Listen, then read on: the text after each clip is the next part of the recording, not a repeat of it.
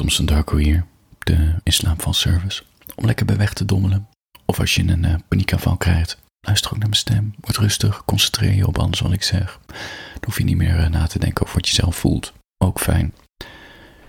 En als je in het verkeer zit, val juist niet in slaap. Op de weg letten.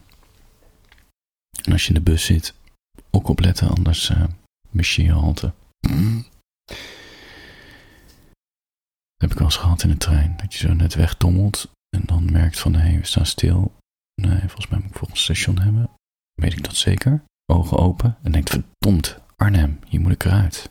En dan als een malle, nou, je begrijpt het, tegen de stroom in, al die mensen die die trein dan inkomen.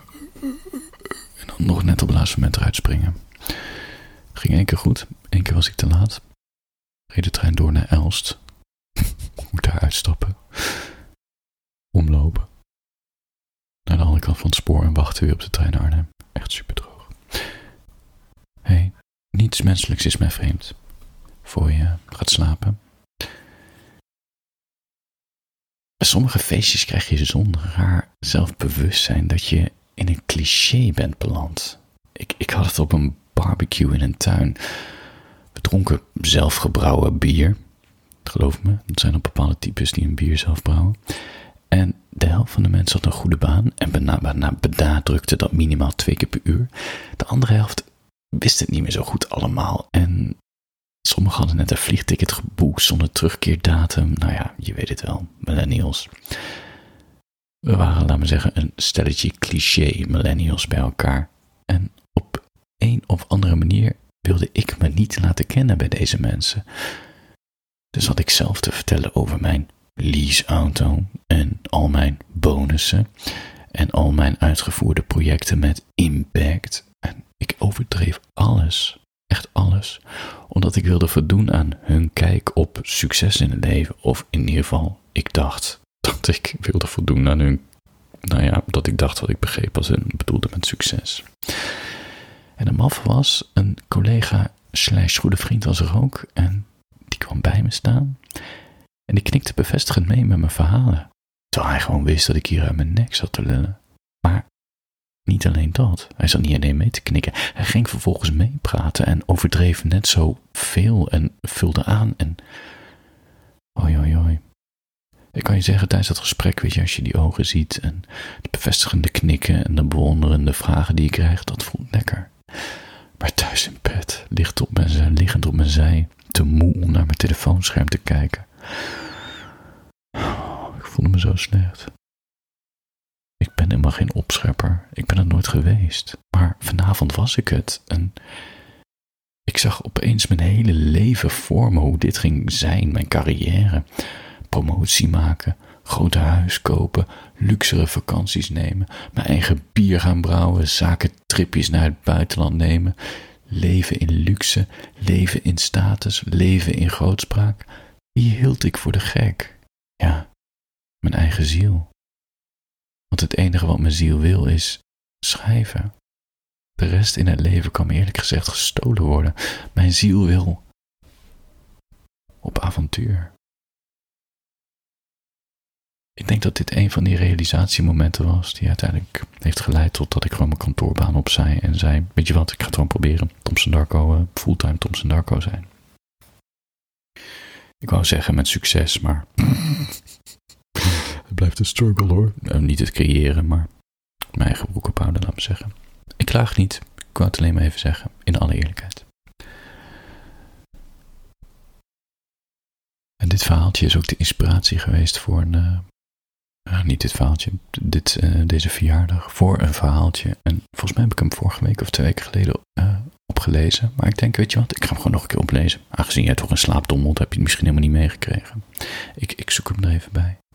Dat verhaaltje heet Ze hebben alles, maar weten niet wat geluk is. Ik ga hem gewoon nog een keer voorlezen. Omdat ik, uh, ik weet niet, voor mij, het klinkt voordat je gaat slapen. Klinkt misschien gek, maar ik schrijf ook vooral voor mezelf. Om mezelf beter te begrijpen. En bij het herlezen van sommige teksten, um, zeker niet alle, omdat ik ook heel veel cringe vind. Maar sommige teksten die goed gelukt zijn, is ook een manier. Het is ook een spiegel voor mezelf. En ook een manier om deze wereld beter te begrijpen. En dit is zo'n verhaal, aangezien ik het heb meegemaakt. op dat feestje, dat me helpt om die vervreemde gevoelens die ik soms heb, om me toch weer met twee benen op de grond te zetten of zo. En misschien is het gek, omdat het natuurlijk een verhaaltje is waar ik anderen veroordeel. Maar tegelijkertijd denk ik ook, het is meer een soort observerende, kritische en ook zelfkritische kijk. Want ik deed natuurlijk gewoon mee met die mensen. Ik was één met hun. En misschien deden ze allemaal wel net alsof. Dus dat maakt mij niet anders, snap je? Goed, voor je gaat slapen. Verhaaltje heet, ze hebben alles, maar weten niet wat geluk is. Ik voel me net zo'n muzikant nu met mijn gitaar hier. ik kan geen gitaar spelen. No worries. Word wie je bent, zeggen ze hier. Ga naar een coach. Volg die inspirerende influencer op Instagram. Of volg de cursus in contact komen met je chakra's op Ibiza. Maar iedereen op dit feestje is vooral bezig met worden wat je bezit. Gepraat over horloges, nieuwe wagens en interieurdesigners, over bitcoins, investeren in start-ups en bonussen veilig zijn op werk. De sociale regels hier zijn me onbekend en lijken tegenstrijdig. Wat zie ik over het hoofd? Ze doen allemaal zo zelfverzekerd en keel, afstandelijk en oppervlakkig. Ze praten honderd uit over hun gevoelens met woorden als trots, overweldigend en drama dus. Maar niets lijkt ze echt te raken. Het lijkt wel alsof hun onkwetsbaarheid hun schild is. De oppervlakkige houding is het zwaard om de wereld te bestrijden. Ze hebben het over verdrinkende vluchtelingen en de stijgende zeespiegel als een ongepaste melodramatische scène uit een actiefilm. Maar bijna niemand houdt de ogen droog als het gaat over de plotseling overleden kat van Marie-Louise, vermorseld door de tuinman in een grasmaaier. Zo'n dood gun je niemand en ik denk dat hij op een onbewust niveau een dierenhater is, zeggen ze tegen elkaar. Deze mensen willen niet worden wie ze zijn. Ze willen vooral niet mislukken in de ogen van de ander.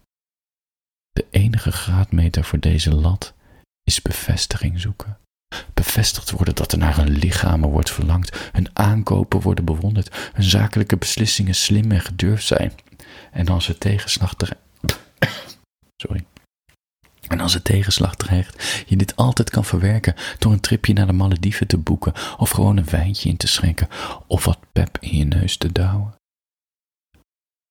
Ze hebben alles, maar weten niet wat geluk is. Gevoelens verdoof je door met je creditcard te wapperen. Ze verheerlijken zichzelf omdat ze geen andere woorden kennen om zich te uiten. Ze praten over zelfhaat en depressie als tijdelijke verkoudheidjes van drie dagen. Het maakt het immuunsysteem sterker en het hoort erbij, zeggen ze tegen elkaar. Ze lachen hun eigen wereld uit met die gekke etikettes en vreemde snuiters, maar zouden deze bubbel nooit zelf durven te verlaten. Want dan zijn ze betekenisloos. Dan stellen ze niets meer voor. Dan hebben ze geen identiteit meer. En wie ben je als je geen identiteit meer hebt? Als niemand meer naar je kijkt, niemand je ziet, niemand je bewondert of naar je verlangt. Dan ben je zo gewoon en middelmatig als de rest van de wereldbevolking. Een middelmatig, onbestemd, betekenisloos mens. Maar ze zien over het hoofd dat ze dat in zekere zin al zelf zijn. Betekenisloos.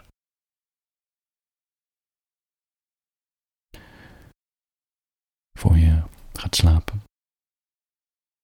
Ik hoop dat je een fijne dag hebt gehad.